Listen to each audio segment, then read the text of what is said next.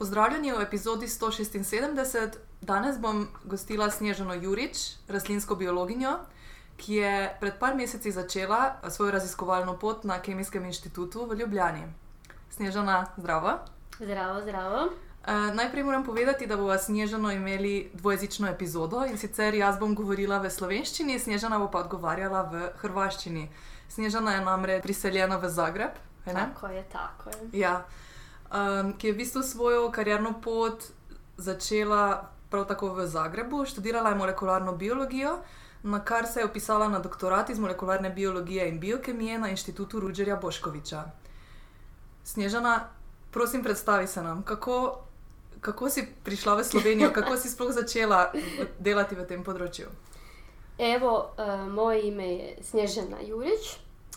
E, iz ovoga što je Nika već rekla, jasno je da nisam mlada znanstvenica. Snežana Ima ima već kar unikatno zgodbo, ja, do tega malo, malo više godina i ne samo u znanosti, nego i u industriji, ajmo reći.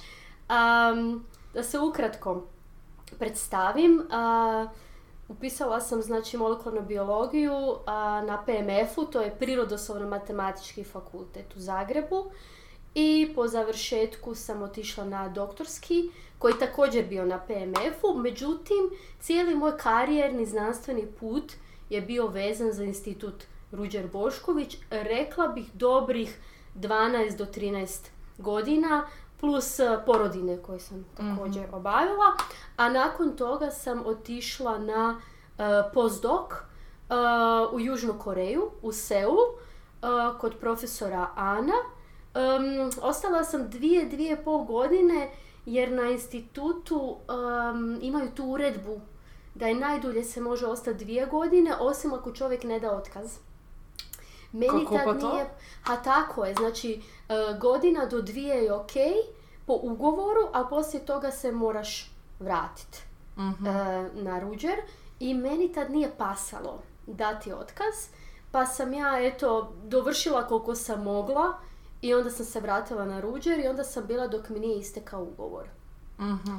I Ok. kad je istekao ugovor, nažalost nisam imala uvjete za dalje. E, tad mi se to činilo kao najgora stvar ikad koja mi se mogla dogoditi. Ker si bila jezna, da si mogla priti nazaj iz Koreje in potem nisi mogla ostati na Da, inštitutu. da, znači nisam mogla svo to znanje koje sam Mhm. stekla, e, taj postdoc, nove ideje, novi projekti, sve je to u meni kuhalo, a nisam imala priliku to pokazat.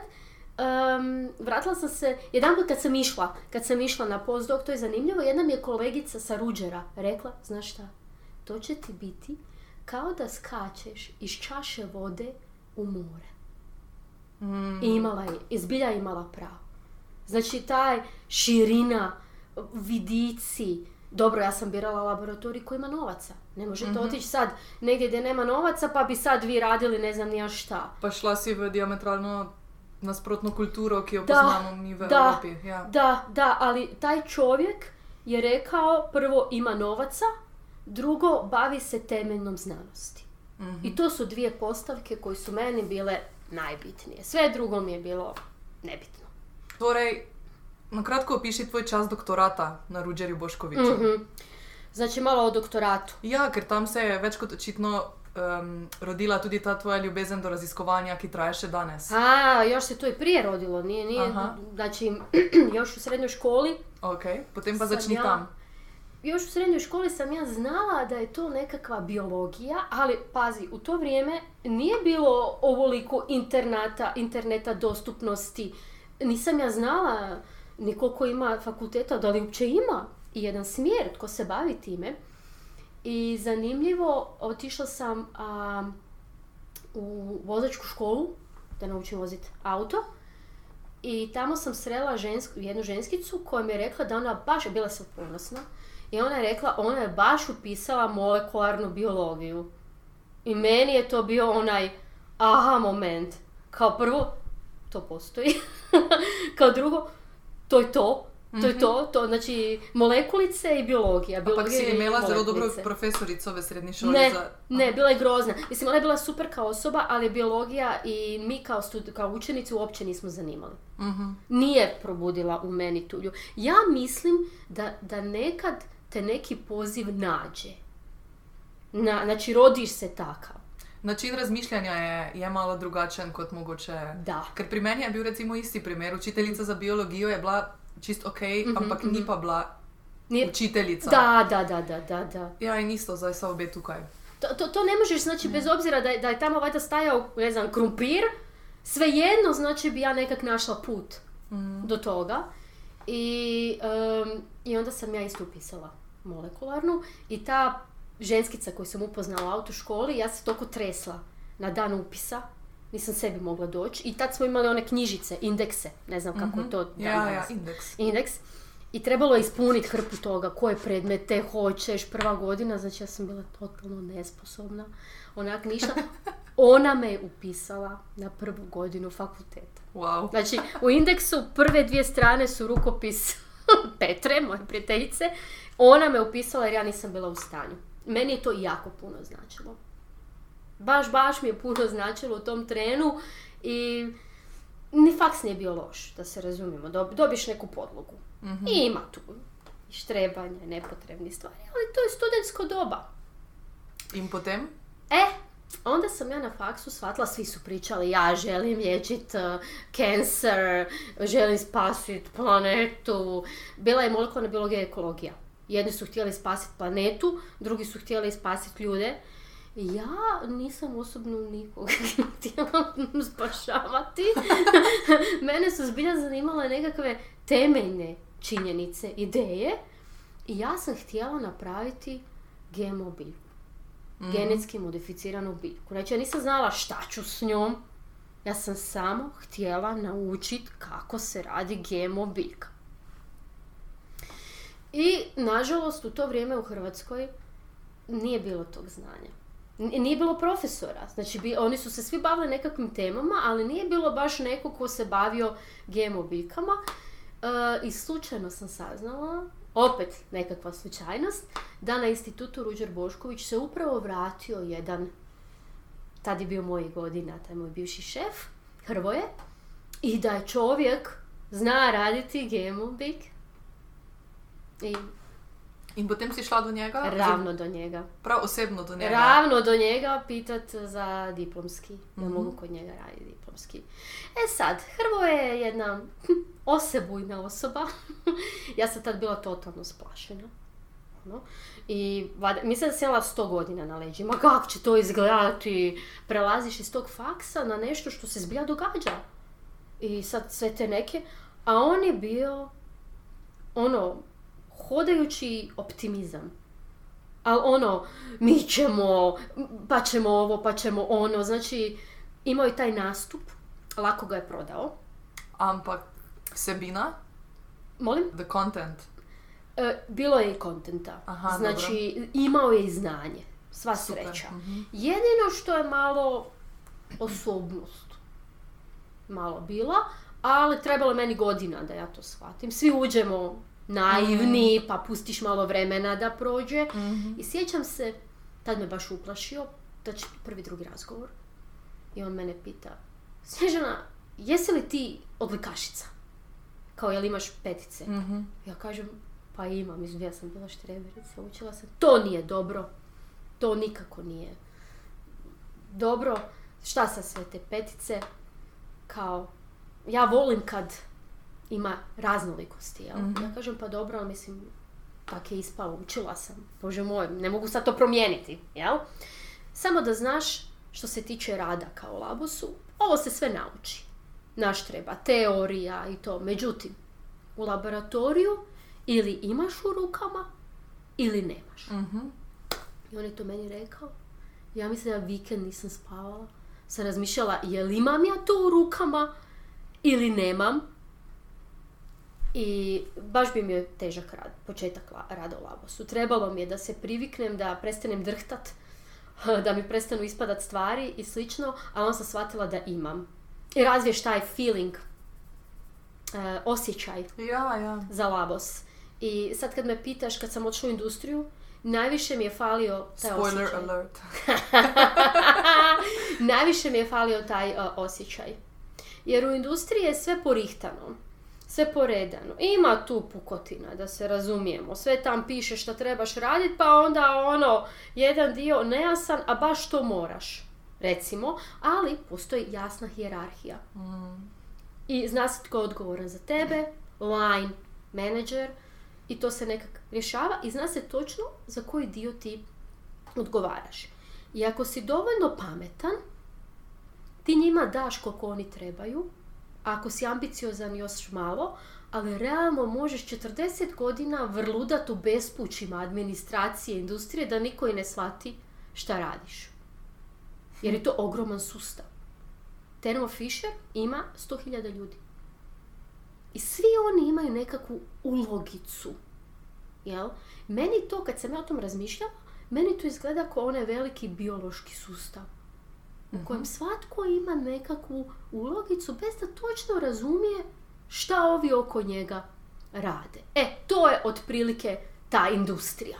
Ako se čovjek bavi admin stvarima, ima sustavi i slično. Ako baš radiš na benču, opet to je malo jel, drugačije. Ja nisam mogla raditi na benču jer u Hrvatskoj jednostavno nemamo.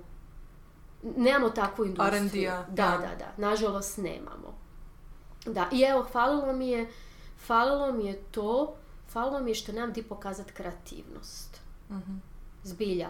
Jer to je posao koji već unaprijed ima. Ne možeš ti sad izmišljati, ja bi to ovako, ja bi to onako. Valjda najveća kreativnost je bila što sam si mogla sama nekakvu PowerPoint prezentaciju kao napravi. Ono, jedan sam napravila PowerPoint, oni su bili u nesvijesti. Kako si ti to lijepo logički. Mislim, to student prve godine faksa već zna napraviti. ali Zato industrija, ja bi se usudila reći, privlači određeni tip ljudi. Nema ništa loše u tome, jel? Ali mi koji dođemo iz znanosti, odmah postane jasno koji je naš background i s čim mi dolazimo. I onda je igra. Hoćeš to pokazat?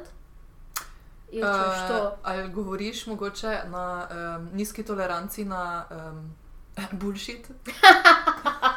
Pa, e, između ostaloga, nakon nekog vremena shvatiš da to što svi oni rade je onako, sva ta administracija, hrpa toga, jel ima to uopće smisla? Počneš, počneš se pitat. Jer em, nakon vidiš ljude koji su već neko dulje vrijeme u tome, ja sad govorim točno s ovim sam se ja bavila, ne, ne mogu za nešto drugo, jel? Ali shvatiš, recimo konkretno mene je jako zbunjivalo to, moja firma tadašnja e, se bavila organizacijom kliničkih studija. Znači mi dobijemo klijenta i za njega stvorimo cijeli portfelj koje zemlje, koji doktori, koliko pacijenata. Ok, meni zdaj to zveni izjemno zanimivo. I je, ali je problem što ti zapravo nemaš pregled nad svim tim, nego ti dobiješ jedan mali Aha. dio i ti zapravo kad uđeš u to, ti i ne shvatiš kak je to sad povezano sa ostalim. I niko te zapravo ni ne pita. Jel? E, super je ako si nađeš poziciju da imaš malo više pregleda. Overview. I obično naš profil na kraju ispliva na neki overview, jer ako nam išta znanost daje, to je mogućnost da mergeamo informacije. I u takvim kompleksnim sustavima je najbolje onda naći e, nišu u kojoj moraš više informacija uklopiti. Evo. Savjet za one koji idu u industriju. Dajte si vremena, krenite od, e, uvijek vas stave na neke niže pozicije, to je u redu. Ja kad sam prešla u industriju, ja sam bila clinical trial coordinator. I znaš šta radi clinical trial To, to coordinator? zveni kot en kup em, Printa. papirologije. Printa. Ja. Ja sam printala, uvezivala i to su bili binderi za te pacijente i onda su monitori to nosili na sajtove. I nije mi to, to mi je bilo skroz ok, učila sam. Ušla sam u sustav, učila, ali vrlo brzo nama postane dosadno.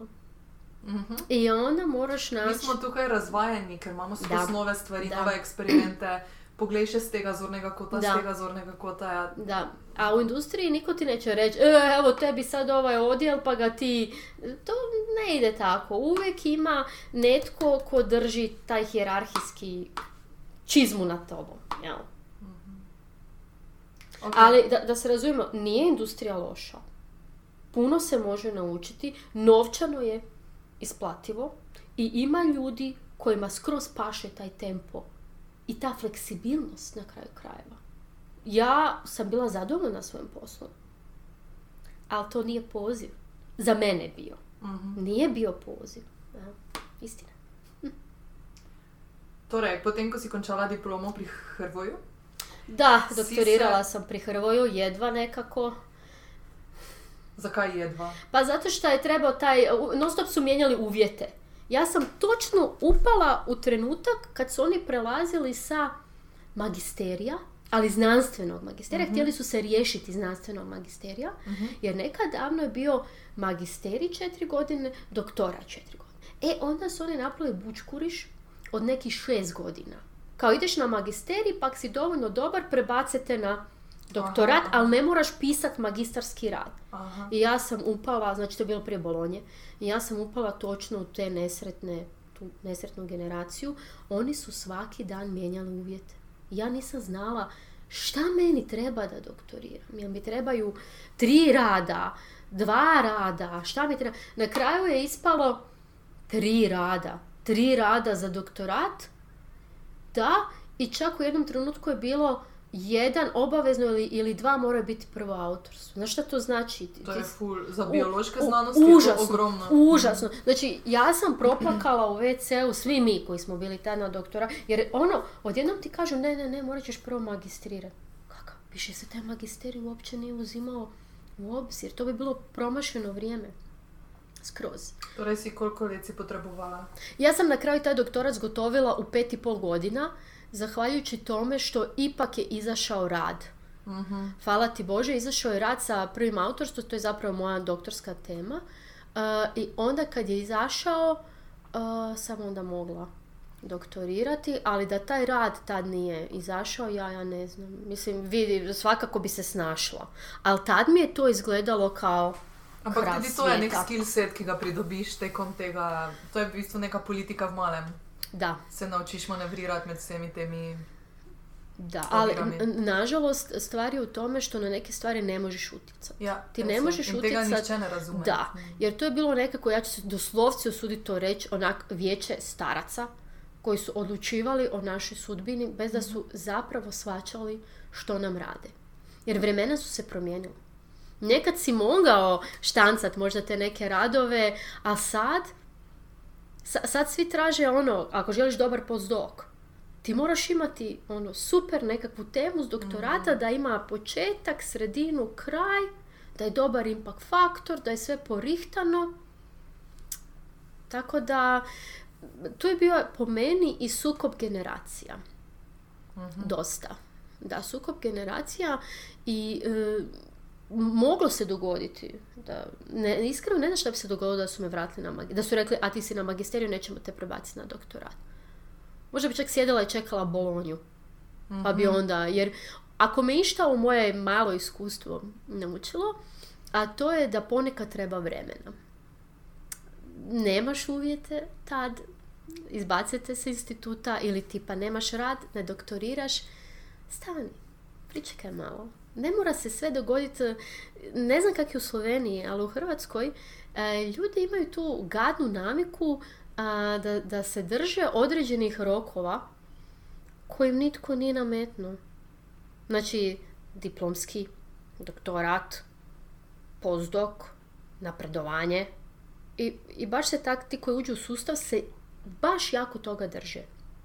Ako malo od toga odstupiš, jadna, nije, ne znam, doktorirala, nije napredovala, nije ovo, nije ono. Pa nije svakom životni ciklus isti. Ja, res je. Delno je mo mogoče to zato, ker smo pač tisti, ki se upišejo na doktorat, so verjetno ambiciozni do neke mere. Drugo je finančni razlogi. da, da. Tretje je pa pač, ja, eh, kot si rekla, hitro smo zdolgočaseni. Mm. In uh, če že pet let uh, štancaš doktorat, potem si že zdolgočasen. Ne? Da, da, In, da. ja. Da, i ti zapravo dok radiš, bar je tako bilo, doktorat je na određeno, ti si ni na nebu ni na zemlji. Dođeš u banku, oni ti čudno gledaju. Znači, Ja. apsolutno ti ne postojiš kao ono osoba koja ima sad svoje financije, svoj put ispred sebe. Ti si tako u nekom zrakopraznom prostoru. To neki ljudi teško podnose, pogotovo ako već imaju djecu Ja, u to vrijeme, pa, ako da nemaju imaju neke varnostne mreže od da, staršev, tako, i ja. nemaju roditelje koji podržavaju. E, Tu se puno snova sruši. Mhm. Mhm. Puno se snova tu sruši. Ja zbilja moram priznati, ja sam imala um, sreću. Uh, prvo da sam znači, radila na institutu Ruđer Bošković, uh, gdje je moj jedini zadatak bio zapravo doktorat. Da doktoriram, to mi je pisalo i u ugovoru. Novci su bili, mislim, znanost je uvijek siromaš. Niko se još nije obogatio, mislim, drugo je ako kreneš u start-up ili tako nešto, ali sjedeš ovdje u labusu, ne znam da se iko ikad obogatio, ozbiljno. Evo, moja uvijek poštapalica je ono, molekularna biologija je za dokone i bogate. Ja, Ozbiljno. ja. Moraš imati vremena i dubok džep. I onda možeš raditi što hoćeš. Ja, ja. Šta ne? Dokon i bogat. Poslanstvo, kaj ne? Da. Uh, kako pa si prišla do Koreje? Do, A. Koreja. To me svi pitaju. Uvijek je bilo kao, kako Koreja? I onda me uvijek pitaju, je li to sjeverna? Da, da, sjeverna. Da, Južna Koreja, seveda. Južna Koreja, da, mi sjeverna. Ali dobro, ajde ljudi. Mislim, da se razumijemo, nisam ni ja puno znala o Koreji. Dok a, nisam otišla tamo. Mislim, je neka eksotika, sigurno je, tega ne naredi dosti ljudi. Ful je egzotika. ful, eh, Ful. Privlačno Ful. z tega vidika, nekaj novega, nekaj unikatnega, ampak Zašto sam ja otišla? Znači, u to doba kad sam doktorirala, um, jedna kolegica s Ruđera mi je rekla da ženska iz Amerike, tam negdje Seattle, traži, naša ženska je Hrvatica koja je dugo vremena tamo u Americi, traži nekog za postdoc. I ona se baš vratila s tog, um, mislim da je Washington State University ili tak nešto.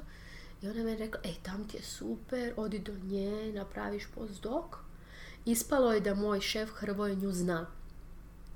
Njemu je zapravo pasalo da me pošalje kod nekog kog zna. Jer ono, znaš, kolaboracija, suradnja, vamo tamo. Ja sam se čula s tom ženskom.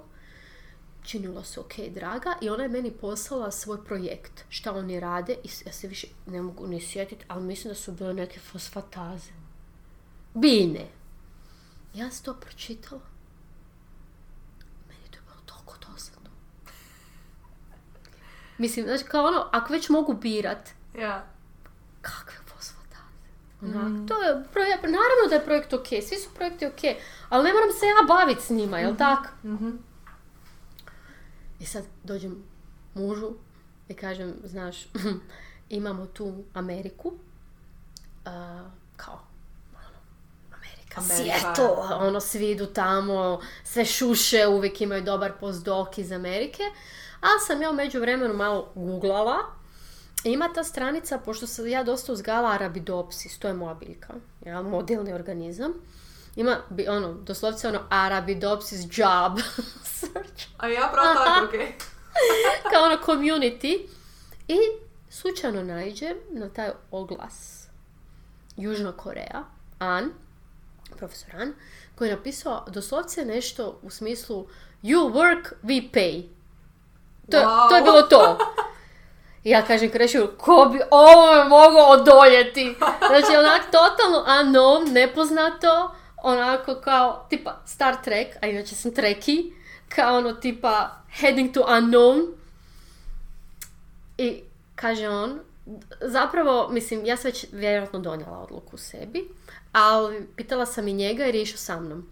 I to je za njega, mislim, ono, da će otkaz ići sa mnom. tak si mu rekla. I rekla sam mu, slušaj, um, za postdoc kao imamo dvije opcije. Kao imamo Južnu Koreju i Ameriku. Jel? I čak sam mislila da će on reći Amerika. Ali ne, i njemu se činilo kao kakva Amerika, kao to smo već gledali, ono, još će nas ubiti tamo netko i to. Ajmo mi u Južnu Koreju. Wow. I on mi je dao tu dosta veliku potporu. Mislim, moj, mislim, lijepo je kad znanstvenik ima potporu doma od partnera, od supruga, od bilo kog, jer to toliko olakša. Životno olakša. I on je bio spreman dati otkaz i ići sa mnom u Južnu Koreju. Ja inače volim planirat, de- donekle, ali sam shvatila da te velike, grandiozne stvari prepustim sudbini. I tak je bila Južna Koreja. Doslovce, ono, bacala sam kocku. S tipom sam se čula na Skype jednom. Moglo biti neki ono uđak. I doslovce smo se dogovorili kao tipa ja bi došla na postdoc, ovo, ono. I kupila sam kartu i otišli smo u Seul. Moro. Da, bilo mi je baš drago kad sam tam došla i shvatila da taj e, Kore- Korea University zbilja postoji. I da je on stvaran čovjek i da ima grupu. Jedino što je malo e, smuljao, slagao, je rekao da ima jako puno e, stranaca kao. Aha. Um, zero. Možda je bilo tu i tamo netko onak neka Sri Lanka ili tak nešto, ali Evropljana nije bilo.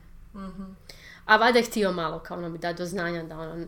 Ali sva sreća, u tom njegovom a, laboratoriju a, je bila, tad je radila za njega Vani Kim, moja dobra prijateljica, koja je za razliku od drugih Korejaca jako otvorena po pitanju učenja jezika i svega. Žena govori francuski, radila je magisteriju u Parizu. Ima malo šire vidike i ona mi jako puno pomogla. Ona je bila moj most a, između mene i Korejaca. Torej, drugi su bili zaprti. uh, Svi su oni bili zatvoreni u početku. Jesam, jesam. Prvi mjesec dana ljudi su se doslovce zabijali u zidove da ne bi me pogledali, ono, eye contact. I svi su samo te mobitele. Ampak je to kultura. voljeli. Da, ja sam se jako bojala u čemu je, je li u meni? Jel je nešto na meni problem? I onda mi je kasnije vani rekla, ne, nego oni ti jako loše govore engleski jezik. A oni žele jako dobro govoriti. I njih je sram. Da ja njih nešto neću pitat. Međutim, nakon dva, tri mjeseca su oni shvatili da sam ja tamo. Da ne odlazim. I onda su krenule prve interakcije, razgovori. Onda su oni shvatili da je meni ok i rukama i nogama, da ću se ja potruditi. Mislim, jezik znanosti je jezik znanosti. Ja. I na kraju, kad te prihvate, to je kao da dobiješ obitelj. Užasno su, bri, da, užasno su brižni, brinu se za tebe. Znači, idemo negdje, uvijek nekak će nekak, netko mene uzeti u obzir. Ili da s kim ću ići, kako ću ići. Znači, bila sam jako uklopljena u to njihovo društvo, ali da se razumijemo, oni jako dugo i puno rade. Jako malo su doma s obitelji i njima je jako bitno da imaju dobre odnose na poslu. Oni i doručkuju, i ručaju, i večero, i spavaju na poslu. I nekako je meni bilo bitno da dok sam tamo, da i ja provedem to vrijeme s njima. Torej, um, ko si rekla, da jako puno radijo, kaj to pomeni v praksi? Če primerjaš izkušnje, tvoje izkušnje iz Evrope Aha. in izkušnje iz Južne Koreje, A. kakšen je delovni proces? Eh, to je zanimljivo pitanje. Znači, evo u Europi eh, di, di sam radila, um, to su male grupe di sam ja radila i puno toga ovisi o tebi. Znači, ti si taj koji donosi velike odluke. Ponekad šef sluša, ponekad kaže da sluša, a zapravo ne sluša, ponekad ga baš boli briga. Pa kaže može, pa onda kasnije se dere da zašto si to napravio, jer bar to A. nije trebalo. Univerzalno. To, e, svi su takvi, imam osjećaj. Međutim, a, kad prođeš, pređeš tu granicu i znaš šta radiš u labu, imaš to kao, ajmo reći, iskustvo, a, ti si nekako odgovoran za svoj rad. I mi smo svi jako odgovorni i strašno volimo, volimo donositi ideje, imamo ideje. I volimo se, kako bih rekla, založi za svoju stvar. Kad vjerujemo da nešto treba tako. E, u Koreji toga nema. U Južnoj Koreji, to što se rekla, puno rade. E sad je pitanje efektivno, koliko A, puno rade. okej. Znači, oni tamo sjede. Oni sjede od 9 do 9. Mislim, pa se ne moreš mentalno... Ma, nema šanse. Ali, e, nažalost, djelomično su i natjerani da sjede tamo. Um, I profesor je taj koji ima overview, jel? I sad nije bitno, nad malo, nije mikromanagement, ne bih rekla da je mikromanagement, mada ponekad su mu puhnule neke stvari u glavu koji su meni izgledale kao tipični mikromanagement i zafrkavanje ljudi, jel? Međutim, tamo se ne usude tako puno reći svoje ideje. Znači ima, sad recimo imamo uh, journal club ili seminar i mi možda jako dobro razumijemo šta netko priča i imamo neku ludu ideju kako bi to. Oni neće sad diskutirati o tome. Kaj pa da bi rekli, ne strinjam se s tvojo idejo, ne strinjam se s tvojim pristopom? Ker to je v bistvu ta kor znanosti, ni? Je, je, je. Zapravo je, i to što si rekla, kor znanosti je zapravo izazvati challenge uh, i vidjeti da li je to zbilja tako. Zapravo bi znanstvenik uvijek trebao pobijati vlastite rezultate, a ne pokušavati opravdati svoje rezultate. Ali svi smo ljudi. Pa sistem te v to prisili. Moraš čim prej objaviti. Da, da, da, da, da, da. Po meni ostalo je jako malo onoga što ja mislim da su drevni znanstvenici zbilja radili. Kad su istraživali isključivo zato što ih je zanimalo. A ne zato što sad moraju objaviti XY papera, što moraju napredovati, što ovo, što ono. To, to, to, to je, mislim... I naravno povećao se broj znanstvenika. Povećao se. Sad imaš hrpu svega. Konkurenca. Da. Da. Da, uvijek si u nekakvoj konkurenciji. Ma mislim da se razumijemo, nije loše malo, uvijek je bilo konkurencije. Ali sad, sad doslovce se natječemo protiv impact faktora, protiv izdavačke mašinerije. P- Znači, i natječemo se protiv onih koji, koji imaju užasno puno novaca i mogu raditi što hoće i imaju jeftinu radnu snagu. Mhm. A ti ti možeš u jednom labosu jedan postdoc, jedan doktorant, jedan diplomant i ta znanost je možda super, ali nikad neće biti profilirana. Mhm. I apropo toga, biljna biologija je uvijek na nižim granama. E, možeš imati super ljude koji se bave biljnom biologijom, Ja, ali ampak ljudje, ljudje damo poudarek na to, kar nas zadeva in rastline nas direktno ne zadevajo. Medtem ko Da. zdravilo za raka, Ali pazi, ja sam radila na dvije ogromne fundamentalne teme. Fotosinteza i cvjetanje. Ako Mhm. išta je bitno za planet Zemlju, Ja. su fotosinteza i cvjetanje. Mm. Ti napraviš super um, simpozij, tebi dođe petero ljudi. Ne zadane ih, ne zadane ih. Ljudje Ne. smo, ljudje Ne. imamo ta, eh, te bajase, eh, Ne. da v bistvu kar nas direktno ne prizadane, Da. ni, ni pomembno. Da. Ja.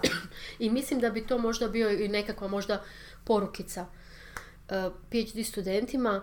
A mislim da je jako bitno ući u sve otvorenog uma. Jako se posvetimo svojoj temi. To me ne zanima, ovaj radi, ne znam, gluposti, ovo i ono to. Ima stvari koje su užasno odvedene, to je okej.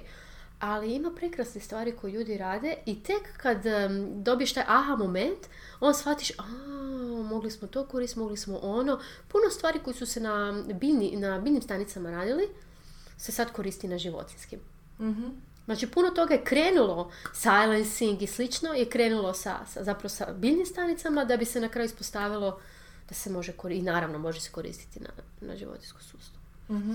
Pa kdorkoli gre v to uh, bazično znanost, tu nikoli ne moreš uh, v bistvu računati na to, da bo za kaj uporabno. Da, da, i ne smiješ tako ni razmišljati. Ubije ti motivacijo. Da. Ja, tako da tu je pač res samo igrivost. Velika in- ja. E, i- i ja, ljudi kažu, ma evo šta ću se ja s tim, nema ništa loše u tome da sanjaš velika pitanja.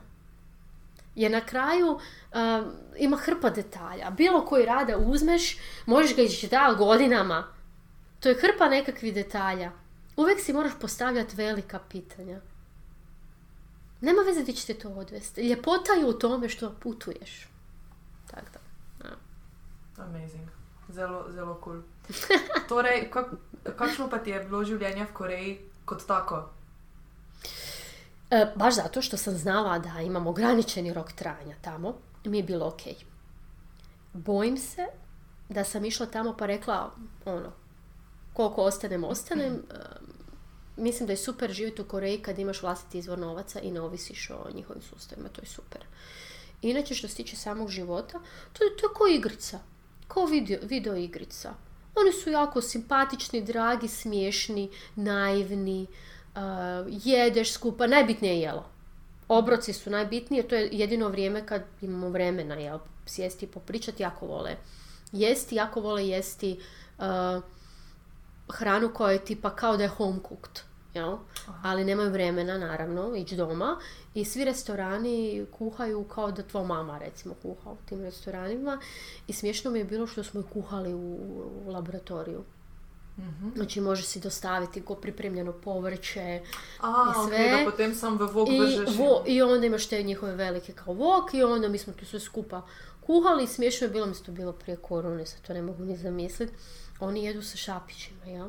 Mhm. I to kad se krene paret, pušiti, to su kao nekakvi vole od riže, kao neki ha, pjerogi, kao oni poljski pjerogi, samo od riže napravljeno. I oni su tako brzo vadili to jeli. Jeli, ja tad nisam dobro koristila štapić. Ja sam bila gladna, onak, jedno šest mjeseci sam gledala kako oni jedu, dok ja nađem viljušku, oni već onak, najbitnija riječ u Južnoj Koreji je puk, to znači viljuška. Jer bez viljuške, a onda sam ja malo vježbala, Mhm. pa sam ja se upustila u taj rat sa štapićima, jer oni krenu jest, mahni to ste- sve jedu. Juhu jedu sa štapićima, tortu jedu sa štapićima, jednostavno su jako Res. su, da, užasno su vješti, djeca valjda čim se rode dobije, dobiju te štapiće koji su spojeni za vježbanje. A, ok. Onda oni s tim Wow. vježbaju i zrno po zrno riže dok ne savladaju tu vještinu. Jela.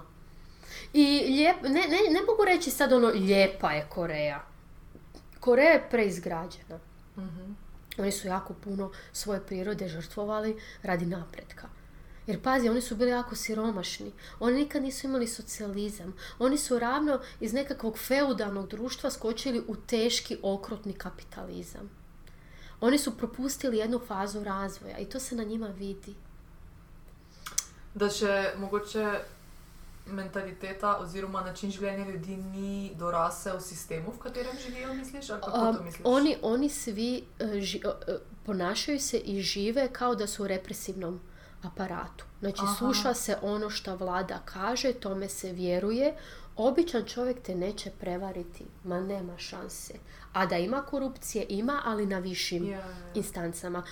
Ja, mi, ja sam dugo mozgala. Što je ključ njihovog uspjeha? Stvar je u tome što uvijek kažemo da se najbrže razvijaju one zemlje u kojima ideje dolaze do izražaja, da ima jako puno individualnosti i slično. To ništa ne vrijedi za Koreju. Oni, se, oni, oni se ponašaju kao mravi. I vrlo je bitno da se uklopiš, da ne odskačeš po ničemu. I jako puno ulažu u znanje, obrazovanje, međutim, prešli su tu zamišljenu granicu do, do, do koje točke je dobro ulagati u znanje i obrazovanje. Sad su svi obrazovani, jel? I o, u, usudit ću se reći, u barem preko 70% slučajeva obrazovane su za stvari kojima se zapravo ne žele baviti. Jer je utjecaj roditelja ogroman. Aha. I ako tebi mama i tata kažu sine, ja želim da ti budeš doktor, Se pravi, tisti tipični azijski stereotipi, Da. za katere ne vemo, če v bistvu so univerzalni, ampak se Da. svet nekako norca dela z njih. da. Uh, Puno se miješaju, ja. puno se miješaju i jako im je bitno da njihova djeca uspiju. Mm. I ja znam slučajeve gdje pet godina to dijete nije prešlo iz srednje škole na fakultet jer nije mogao upisati točno taj fakultet kojeg su roditelji zamislili. Aha. Baš taj fakultet. Pet godina života. Mogu se upisati bilo šta Može drugo. Česar koli. Da, ja. i jedna smiješna pričica koju su mi tamo rekli, svojedobno kad su bili predsjednički izbori, bilo je par kandidata i bio je jedan jako dobar kandidat za predsjednika. I onda je ispalo, isplivalo je, da on, nažalost, nije završio Sky sveučilište, to, je, to su tri najjača sveučilišta u Južnoj Koreji, Seoul National University, Korea University, to je moje, i Yonsan Sky. I on je bio sramoćen i povukao se, povukao je svoju kandidaturu za predsjednicu. Evo, to samo govori koliko su oni zadojeni činjenicom, koliko je bitno kod njih neke stvari, formativno, jel? odraditi. Ampak kdo pa jim dela potem ta nižje kvalificirana delovna mesta, recimo, Stranci, aha, stranci. klasika torej. Stranci. Ja sam se onda jako brinula kad sam išla tamo, kako ću se ja uklopiti, šta uopće ne raz- možda su oni tako odvedeni da ja u labusu ono neću imat pojma. Nije tako. Nije tako. Što se tiče razine znanja i snalažljivosti u labusu, uh, bez problema pariram. A što se tiče ideja i općenito tog nekog overviewa stvari, tu, tu, tu sam bila bolja. I toga što se ja nisam sramila ni libila reći šta mislim. In se ti je to kdaj eh, odbilo nazaj? Ne, Ne. ne, ne, e, pro- sva sreća profesor kod kojeg sam bila je inače svoj e, postdok napravio u Americi. Torej je bil navajen nekih teh eh, Bio otvoren. debat. eh, Da, bio otvoren, ali nije bio otvoren za debatu s Korecima. Bilo mu je ok da ima debatu sa mnom. A, double standards, mhm, da. Ali ja, tu, ja ne mogu sad mijenjati njihov sustav. mhm. Ja sam samo mogla doći tamo i reći, ok, ja znam ovo, ovo i ovo i to je to. Ali da, taj postdok je bio, bio je težak. Bio je težak, dosta sam radila, šest, šest dana u tjednu, od eh, nekih devet do sedam. A, puno toga sam započinjala, nije bilo limita u novcima. Znači sve što bi ja zamislila, sve svoje lude ideje, ja bi to prezentirala profesoru i u 99% slučaja on je rekao sam naruči. Go for it. Zašto? Imao je nekakvih, ajmo reći, desetak postdokova. I to je kod djeca, jel? Ovo dvoje je super napredno, njima ću da da se igraju pa možda izađe nešto dobro. Ovo dvoje, joj, oni niš ne kuže, oni nek tak neš. Ovi između njima ću da svoje standardne teme. Jer imaš vremena i novaca i možeš se igrati sa tuđim životima. I igrao se, znaš, tema je bila dobra, ja sam sama smislila tu temu, sama sam krenula u to, to je bila nova tema, ja sam znala da ja to ne mogu dvije godine napraviti, a koliko sam napravila, napravila sam. Onda je on shvatio da je to dobar catch. Prilika, baš u to vrijeme kad sam ja došla je objavio Science. I omilio mu se. on je prije imao dobre radove, ali ovo je prvi put da je objavio kao korejski profesor na Ko- Korea University gdje je on bio zadnji kao koresponding A, autor, to mu jako puno značilo i, ovaj, i htio je ponoviti uspjeh. In vam je uspela? Da. Međutim, to je ujedno, tad je to bio i kraj moje karijere. Kako da se izrazim, prvi kraj. Prvi put kraj moje karijere. Jer kad sam se ja vratila na Ruđer, ja nisam imala ništa za pokazati. Ja nisam imala ništa, ja sam samo radila tu temu, bila je super, ono, prekrasna, lijepa priča, ali nisam imala ništa, nisam imala radova i nisam mogla napredovati. Rigidnost sistema te je izvrgla. Da. Mm. A profesor, on je htio dobro objaviti i u to vrijeme tamo je za njega radio Henry, um, PhD student, koji je bio moj PhD student, i Henry um, z Balija. Uh, on je zapravo hinduist s Balija, da bude stvar onak. I super je bio Henry i ja sam ga naučila sve što sam znala. I on je jada nastavio tu temu, jer je trebalo tu još i radova i svega. Ja sam napravila što sam mogla. I dala sam im nekakav put. Nikako objaviti. Znači oni su sjedli na tome, pa su neke ekstravagantne eksperimente koje ja ne znam da ko ima para za to raditi. Meni je to izgledalo ko lansiranje, ono šatla, ono, doslovce, ni sad ne mogu objasniti nekome. Ja znam svoju fundamentalnu temu, ali da si poboljša malo, to ste radio. I tako jedan dan je došla obavijest da smo submitali u Science, a onda je došla obavijest da je otišla na recenziju, a onda je došla obavijest da imamo minor nešto i objavili smo Science. Ja nisam prvi autor, zašto? Otišla sam, ostavila sam svoje nerođeno čedo. Uh, Henry je prvi, s čim sam se ja jako složila i bilo mi je samo bitno da me ne izbace s rada. Jer ono, daleko od srca, Da, da. Ja sam tad bila spremna ako se to dogodi tužbe i svašta nešto, jer bilo bi mi žao, čekajte, dala sam vam ideju. Mhm. A, to je Koreja. jel?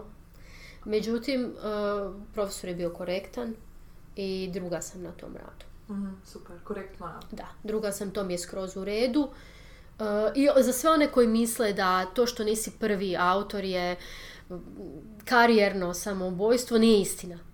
Može se, samo se mora naći drugi put. Sve se može unovčiti. Moja prijateljica iz tog labosa, s kojom mi sad surađujemo, Kyang Suk, um, ona je, ja mislim, na jedno pet science Kao negdje. Ona to nikad nije iskoristila, ni unovčila. Ona nju stavlja na science, ona nešto odradi, jedan dio i to je to. Znači, pitanje je što zapravo želiš s tim. Mhm. Jel? I koliko si spreman i posvetiti se tome. I tak sam onda i ja došla do Slovenije. Evo. Jer sam u jednom trenu shvatila sad ili nikad. Moram iskoristiti taj sans. Mhm. To je to, vrijeme prođe. I rekla sam, ok, pisat ću. Jedino što sam ja svojim godinama mogla pisati je Marie Curie. Jer oni imaju samo ograničenje u broju godina od doktorata. Koliko si u znanosti. Oduzima se vrijeme industrije, porodiljno i slično i ja sam još uvijek bila ispod tih godina. To je jedino. Evo. Torej, potem si se vrnila iz Južne Koreje, Da, da, da. se zaposlila v firmi. Bila sam prvo malo na Ruđeru, a onda sam otišla. Kad su me nogirali, sam otišla u firmu. Ok. Uh, v firmi si v bistvu, to je bila firma, ki je del Thermo Fisherja. Sad su dio Thermo Fishera, da. Ta, tam si delala 4,5 leta. Tako je. In potem povej nam, kdaj si se odločila, jaz bom pa zdaj pisala projekt in jaz bom šla nazaj v znanost. To se praktično ne zgodi. Ti ne samo, da si šla nazaj v znanost, prinesla si svoj denar, preselila si se v bistvu za tri dni na teden v drugo državo. Pa je, malo je neobično sad kad to tako kažeš. Nije zelo uh, out of the norm, kar je bistvu Pa je, ali zanimivo. mislim, ako išta znanstvenik treba napraviti, to je out of the ordinary. Mm. Ako išta. Jer ja, moja psihoterapeutica je meni rekla da sam se ja jako poistovjetila s tim da sam znanstvenica. Mhm. I ono što je mene, ja, ja znam da je to egoistično, totalno, ovo je sad ono ego trip, ali u trenutku kad više nisam bila na ruđeru, ja sebe nisam mogla zvat znanstvenicom. I dio mog identiteta je nestao. I ja sam se raspala. Znači ja sam se totalno, a ja znam, ja svačam, možda ljudi koji normalno naprave prijelaz. Ono, znaš, radiš, dosta ti je, nađeš bolju priliku, odeš, to je normalan prijelaz. Ja nisam imala normalan prijelaz. Ja sam očekivala da ću ja zaraditi penziju na institutu Ruđer Bošković, umrijet kao i svi pošteni znanstvenici na radnom mjestu. Oni te lijepo iznesu, svi plješću, preko je groblje, Mirogoj, za one koji su bili u Zagrebu, odmah te sahrane, s pogledom na Ruđer. To je bio moj karijerni put. Nije bio moj karijerni put da me netko znogira s Ruđera uh, sa 39 godina. To je kruto, ja. Ni- nije. Nis, nisam se snašla u tome. Ja se zbilja, ima ljudi koji se snađu, svaka im čast, to je super. Ja nisam. Meni je to falo. Meni je falilo da sam ja znanstvenica. Ja se pokušala izliječiti. Te četiri pol godine što sam bila u PPD-u, fakat bilo ok, ja sam se pokušala izliječiti od toga. Djelimično je uspjelo, kao što vidiš. ne Ampak skroz. si vzela zadevo v svoje roke in si se sama potem... Da. Da, i i mislim da je to naj, najbitnije što mi se dogodilo. Mm. Jer ja u 2019. nisam bila spremna. Ja tad nisam bila... za- najbolja stvar koja mi se dogodila je da su me nogirali s ruđera. Najbolja. Ja tamo nisam imala više što tražiti. Ja sam njega prerasla. Da. Ja, ja volim ruđer. Ja sam dijete ruđera. Ali ruđer ja više nemamo šta ponuditi jedni drugima. I to je tako. Mhm. To je tako. Kad tebi sustav kaže nisi dovoljno dobar, nisi ovo, nisi ono, imaš i ti pravo reći sustavu. Vi za mene niste više dovoljno dobri. Ja sad imam druge ciljeve, druge želje. Rastaćemo se ko prijatelji. Tak je bilo. Ali ja to 2019. nisam kužila. Ne kužiš te stvari. Ti si u svom malom mikrokozmosu. Mislim pa to je bila... ved- To je bila zelo visoka vrednota tudi naših staršev, tako smo bili vzgajani, Da. da dokler je Da. varno, dokler, Da, dokler ni prehudo, vseeno ostani. Um, Zakaj bi tvegal? Uh, Zapravo je bila sramota. Ako Ja. mijenjaš poslove, Ja. nešto nije u redu. ja, bojo, bojo drugi delodajalci misli, da... Da, nešto nije s tom u redu, Ja, da se ti ja, ne. Mhm. slažeš, ovo ono. Tako je, kako je.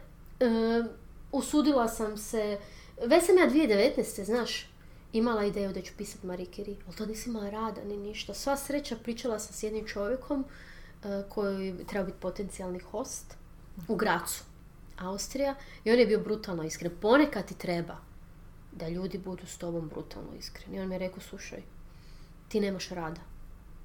Ne, nemaš ništa što bi sad rekli, ok, radila si to i to, na osnovu čega bi mi gradili priču. Možemo probat, ali šanse su ti jako niske. I on je bio u pravu. I ništa ja tad nisam poduzimala, sam sjedila i prepustila sam se. Flow, go with the flow. I kad je science izašao, sjediš i onak si misliš, i šta sad? Da ga samo okvirim i stavim na zid. Da to bude jedna od onih prekrasnih priča koju ću pričati, e, kad sam ja objavila u Science-u, šta da radim s tim? I jedino pametno, čeg sam se sjetila je, pa čekaj malo, pa imam super ideju, zašto jednostavno ne bi napisao? A evo, last time. Još jednom ću ja to napisat. Prvi put sam pisala, prvi put taj projekt. To ću napisat, poslat, pa In kako si prišla do profesorja Gregorja Anderluha?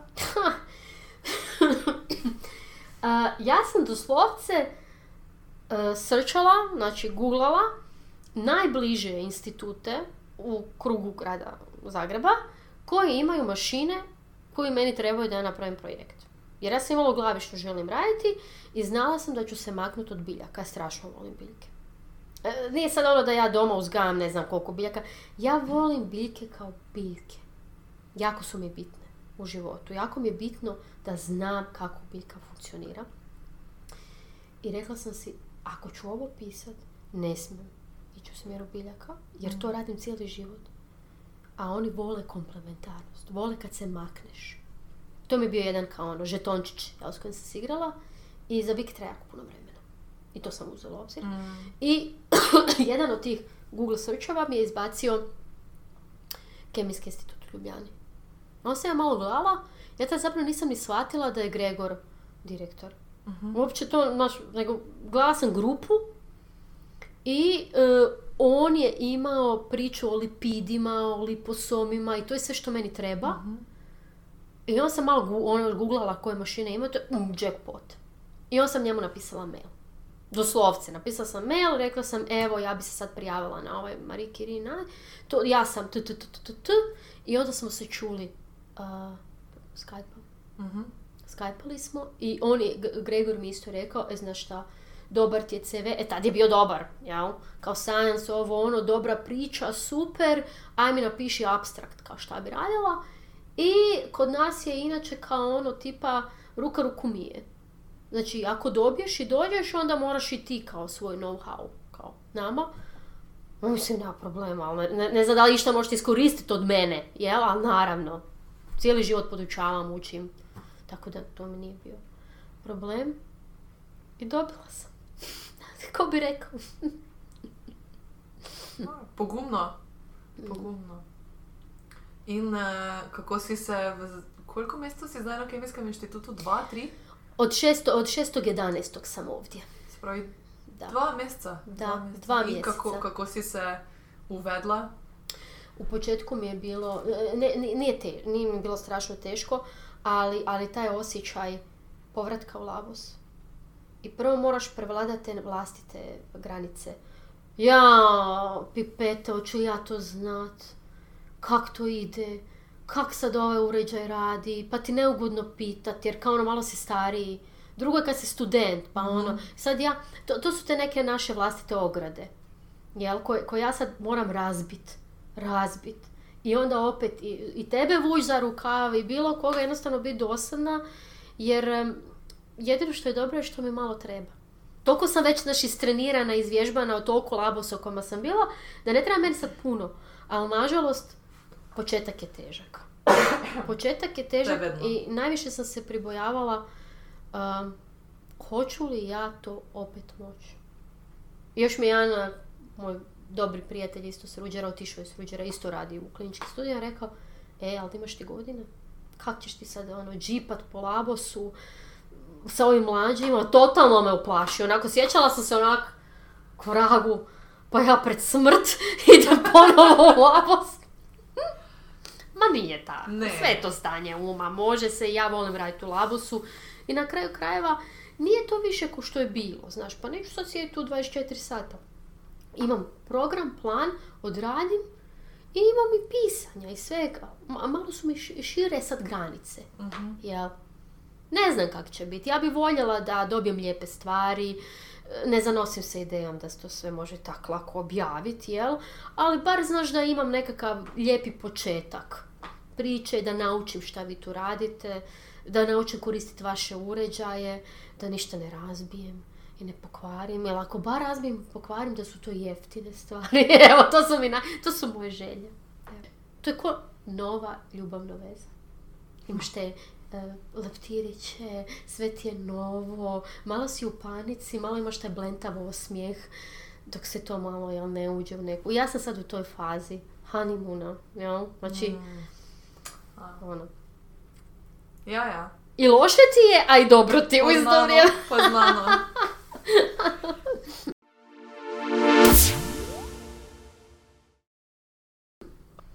Ali se spomniš kakšne zabavne ali zanimive anekdote povezane s tvojim mentorjem ali s tvojim raziskovanjem? Po tvojem Joj. izrazu na obrazu sodim da ih imaš milijon. Ima ih milijun i sad je toliko teško izabrati. Evo dvije ću. Mhm. Obje su povezane sa, sa onim što ne bi zapravo trebali raditi. Ali, evo sad u, u duhu, bilo je puno godina je prošlo pa ću ispričat. Znači, e, sa Hrvojem, to je moj mentor sa doktorata, on je inače doktorirao u Njemačkoj, Mhm. u Minhenu, kod vrlo strogog i opakog a, mentora, kojeg su zvali Herminator, jer je bio toliko opasan. I e, tu i tamo jedanput nas je odveo u Minhen, bila je nekakva konferencija, pa smo usput otišli u te nje, bivše labose, jel, gdje je on radio. I sad tak mi hodamo kroz te labose, nema nigdje nikog, jer valjda su svi bili na konferenciji. I uđemo u jednu prostoriju i on uzme ruksak, izvadi, otvori ruksak i krene trpat kadicu za elektroforezu u ruksak. Ok. I ja ga i sad ja onak kao, hm, kao, šta radimo? I on meni kaže, ma imaju ih dovoljno, kao njima ne treba, nama treba. I on strpa i još meni da one češiće. Kao, kao strpaj to kao u torbu idemo. A meni su se noge odsjekle, mislim zbilja. Ali ništa, donijeli smo, to je bila zbilja lijepa kadica. Nekakva prozirna staklena, lijepa, e, vrlo jednostavna, full jednostavna za izgled gel, kojeg izljevaš odmah u tu kadicu. Sve radiš u kadici i onda on to poslije dao jednom e, tipu sa ruđera koji je onda napravio iste takve. A, ok. Da, uglavnom, Wow. eto, ukrali smo kadicu za elektroforezu od Herminatora. e, i apropo toga, kad sam otišla, uh, kao se vidi da ono, valjda, uh, je- mentorska jabuka ne pada daleko od stabla, uh, Kaj si ukradla? u Južnoj Koreji, kad smo bili, i sad već se ja spremam, kao ono dvije godine su prošle, pa polako ono spremam za sobom i sve, i otvorim takvu ono jednu neku uh, ladicu, a unutra ono znam da su zilijuni uh, ne znam, restrikcijskih enzima, mislim ne može se to sve ni prenijeti u Hrvatsku na kraju krajeva, teško je, i ja se dignem, a ono profesor stoji pored mene i gleda me. I ja ga onako pogledam, kao kao šta ja gledam, i ja mu kažem, I'm from a poor country. I on kaže, it's okay, take you, take what you need. Isuse Bože, I'm from a poor Ampak to je country. bila, eh, to je bila em, sofisticirana kraja, tu si rabila še hladno verigo. Da. Ja. Ali a, on inače nikad ne hoda tak po labosu, uvijek sjedi u tom nekom svom kućerku. I onak, samo znaš, digneš glavu, a on ovak gleda. Isus. Eto, to su anegdote koje sam podijelila. Imaš kakšno priporočilo za knjigo, film, spletno stran, podcast? Pa, em, jako volim čitati knjige e, i volim gledati filmove, čak u zadnje vrijeme serije. E sad, podcast, to je... Možda to više mlađarija. Ja, ja sam više od kazališta, od predstava, od žive riječi, što bi se reklo. Što se tiče knjiga, sad je to jako teško, mislim, ljudi smo različiti smo i to. Međutim, ako, ako netko voli čitati em, Gabriela Garcia Markeza, a, to je taj, ajmo reći, nekakav a, um, misticizam, je li, ma- magijski realizam, kako ga zovu, e, ja je preporučila njegovu autobiografiju Living to tell the tale u kojoj on zapravo priča o svojim o svom pisanju knjige, o svom putu, o tome on je bio i novinar i slično, jako je zanimljivo. On zapravo nije imao novaca za izdati svoju najpoznatiju knjigu, 100 godina samoći. On nije imao novaca uopće poslati to svom publisheru. I doslovce je bilo, kad je došao na po- poštu, e, rekli su mu, ok, to je bilo jako puno, mislim, velika je to knjiga. On su to izvagali i rekli, a ono, možete poslati, ne znam, 50%, ne sve. I mislim da mu je supruga tad vada prodala svoj nakid, sve što je imala i sve su pucali u to da pošalju 100 godina samoći. A on je dobio Nobelovu nagradu za to. Znači, nevjerovatno. Jel? I ima jedna, e, isto, u zadnje vrijeme dosta te autobiografije sam čitala, pa zato to spominjem. Spomenula mi još od našeg Nobelovca, mislim našeg, sad, neka svoja ta zemlja koja hoće, Ive Andrića, kojeg jako volim, pročitala sam sve njegove knjige i to u nekoj mladosti. Um, jedan, um, mislim da je Amerikanac, nisam sigurna, ali jako dobro poznaje zapravo Bosnu i općenito sve, uh, je napisao Požaru svjetova. Jako dobra knjiga koja daje zapravo um, i pogled uh, na politiku tog doba. I kako je zapravo Andrić dobio Nobelov. Tako da te dvije autobiografije su mi jako uh, u zadnje vrijeme bile zanimljive i uvijek preporučam jer uh, volim fiziku, ali volim dosta kvantnu fiziku. Treki. jako me to sve zanima. Uh, od Leona Ledermana, on je isto naravno Nobelovac, Božja čestica, u kojem govori o Higgsovom bozonu. Zbilja sam uživala u toj knjizi. Božja čestica. A, on isto govori kao jedan uh, u to vrijeme znanstvenik bez puno novaca, bez puno budžeta, di te zovu. Dođi u CERN, dođi vamo, dođi tamo, ti nemaš para. I kako se zapravo probijao i sve. Ja, jako zanimljiva knjiga. Evo, to bi od knjiga. To bom pa kar dala na svoj seznam. Da. Super. Katero serijo trenutno gledaš? Ma, sad sam zbilja između svašta sam gledala. Um, radije bi film možda preporučila um, Society of the Snow. Brutalan film. Glih včeraj sem ga končala. Brutalan.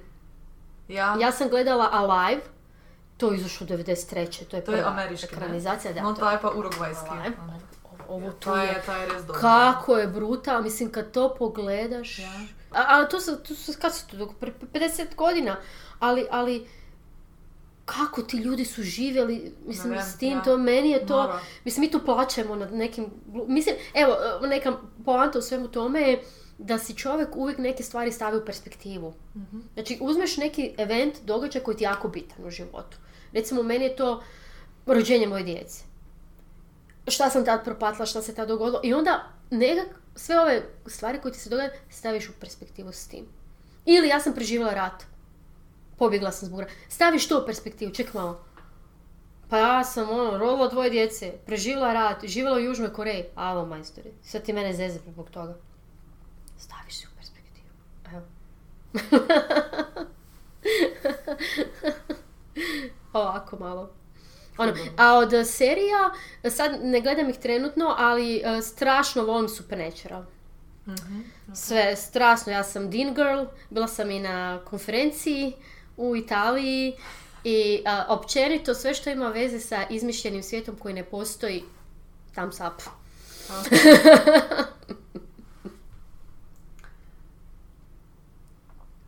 To je zdaj mogoče zate še posebej primerno vprašanje, glede na to, da si zdaj povedala, da imaš dve ščerki, kateri Da. si morala tri dni na teden pustiti eh, Da. sami v Zagrebu za očetom. Da, da. Uh, kakšen je tvoj način za spopadanje s to negotovostjo in s temi dvomi, ki jih sigurno imaš, ko si se odločila za to pot? Um, Kak se nosim s tim, ili? ja, Uh, pa znaš šta, odmah u početku je bilo jasno da će to biti problem. To je bilo odmah jasno. Ali samo su uh, dvije opcije. Odustat ili ne odustat. To je bilo to. Ako odustanem, to je jedan mailić. Ja ne prihvaćam stipendiju, dajte, neko drugi će dobiti. To je to. Case closed. Ne znam da li mogla živjeti s tim. To su te... To, to, to, to kad se dogodi, osjetiš da je to prilika. Znači ono, bam, bam, bam, imaš one bubnjeve, dum, dum, dum. I onda je bilo, a ne mogu to napraviti. Ajde, mogu barem probat. Pa niko ne može reći, jel nisi probao. Jel? A onda je prvo, kad sam to riješila, čekt, ne odustat. Jel? E, kako ćemo to organizirati? Odmah mi je bilo jasno da ja ovdje ne mogu, bez obzira koliko ja to želim. I uvijek životu sam ulagala više od 100%. Ali, okolnosti su takve da ne mogu. I onda mi je bilo jasno, čak i kad prije što sam prijavljivala, da će morat biti eh, manje dana da sam ovdje. Jel? part-time, um, Part-time, work da. home. Da. I eh, ja sam to odmah pitala Gregora, da se razumijemo, prije nego što sam uopće dobila stipendiju. Ako se dogodi, kako vi dišete na fleksibilnost? Ja ću svoj projekt napraviti. Ali ne mogu sjediti tu pet dana. Ne mogu. Imam dužnost, imam obaveze, ja sam mama. Znanstvenica mama, slash mama. I on je rekao, vidjet ćeš, mi smo ovdje fleksibilni. Bio je razuman. E sad, jedno je kad ti to neko kaže, osoba koju uopće ne znaš, a drugo je kad ti dođeš u sustav, pa onda vidiš je li to šljaka ili ne. Odvisno kak leverage imaš. Ti Da. si imela leverage, Dobar ker leverage, Si, ker da. si prinesla denar. Da. Dobar leverage sam imala i taj projekt je na moje ime i nikoga sad ne može nastaviti. Znači, njim e, interesuje instituta kemijsko da sam ja tu, a u mom interesu je da napravim najbolje što mogu. Tako da za sad je to ok situacija. Naravno da sad tu ima nekakvih pitanja sustava. Timesheet, ovo, ono, sve se to riješi, ljudi smo, mislim da ima dobre volje, riješit će se. To je možda nešto isto što je došlo s iskustvom. Jer prije mi je sve ono bilo naporno i teško i ono, opet ovi zovu, ovi ono brutala. Onda shvatiš kroz život da je to njihov posao. Oni to naprave, ti malo, malo poguraš, malo ti, malo vi. Što se ti više ljutiš, zapravo je to kontraproduktivno. Ali ne dođeš do toga, do tog moraš doći. Ja, da, ja. da, da. Zadnje vprašanje, ki bi bilo z, od mene zate je, poleg vseh nasvetov, ki si nam jih že dala skozi ta pogovor, ki je bil res čudovit pogovor, m, um, imaš še kakšen nasvet, da zaključimo to debato? Nasvet za vse raziskovalke, raziskovalce, bodoče, sedanje doktorante, znanstvenike. Ja, to je sad velika odgovornost. e sad, to je problem što ja... Š- što je za mene znanost? Ajmo, ajmo tako, ako može. Pa ću se onda nastaviti. Za mene je znanost igra. I dok ja uživam u toj igri, ja sam tu. To sam si uvijek rekla. Dok si sretna, dok uživaš, a to nije ono svaki dan si veseo, nego kad je ta gain, zadnja, suma, sumarum, veća od em, neprospavanih noći, žalosti, bora, e, ružnih riječi i svega, to je još uvijek dobro. Jer ono što mi pruža je puno više od onog što sam igdje ikad dobila. I to meni osobno znači. Sad svi oni koji se bave ili se žele baviti znanosti, uh, mi smo već u tim afirmativnim godinama kad će odsjetit, to sjeti čovjek, jer to zbilja njih zanima, ili će samo napraviti doktora da ga imaju, što je super, to je totalno legit, ali nemaju ni force ni želje zapravo se baviti znanstvenim radom. U redu je da si čovjek to prizna. U redu je baviti se drugim stvarima u životu. U redu je bavi se drugim stvarima u životu pa se vratit na znanost ako ikad se osjetiš da nisi rekao tamo sve što imaš. Jer to je bio moj slučaj. Ja nisam rekla sve što imam. Čudovito. Hvala, Snežana. Hvala tebi puno što si me pozvala, Nika. Poslušali ste Meta Podcast, podcast, v katerem se pogovarjamo z mladimi znanstveniki in znanstvenicami iz različnih področji znanosti. Podcast domuje na spletišču metinalista.si, kjer lahko najdete tudi druge poučne vsebine. Naše delo lahko podprete z donacijami Metini listi, pohvale, pripombe in predloge lahko posredujete na e-mail znanost.afnametinalista.si. Dobrodošli so tudi komentarji na Facebook profilu Metine liste in na Twitterju afnametinalista, kjer uporabite hashtag metapodcast. Se slišimo čez 14 dni.